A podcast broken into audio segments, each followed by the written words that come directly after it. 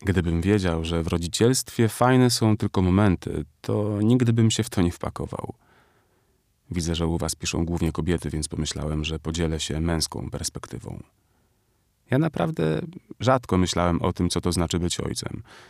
Bo kurwa, kto to może wiedzieć, zanim się nim nie stanie? Nikt.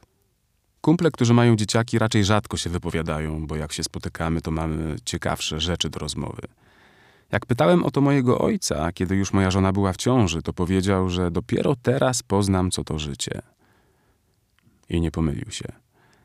Ale wtedy nie wiedziałem, że mówił w negatywnym sensie. Bardziej sądziłem, że chodziło mu o to, że bez dzieci to nie życie, ponieważ często to słyszałem od innych osób.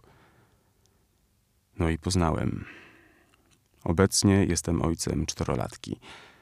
Są fajne momenty, ale to tylko momenty. Żona walczyła z depresją poporodową po ciężkim porodzie, a ja nie wiedziałem, co to jest, jak jej pomóc. Na szczęście trafiliśmy na dobrych lekarzy, ale pierwsze miesiące wspominam jak koszmar. Staraliśmy się oboje ogarnąć ten wiecznie wrzeszczący mały tobołek, aż w końcu któregoś dnia, strasznie wkurwiony na życie, zapytałem mojej matki, kiedy to się skończy. Nigdy nie zapomnę jej reakcji. Zaśmiała się i powiedziała, że od tej pory tak już będzie zawsze. Pewnie nie miała złych intencji, ale równie dobrze mogła dać mi w ryj. Zabolałoby tak samo. I rzeczywiście tak wygląda to wszystko.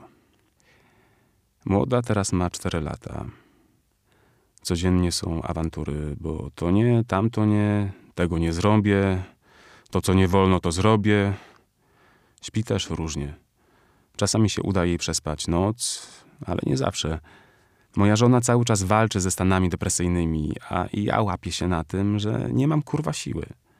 Nie mam siły na brak snu, na wieczny hałas, na zabawki wszędzie, na czytanie bajek, na kompanie i, i czekanie na te fajne, dobre momenty.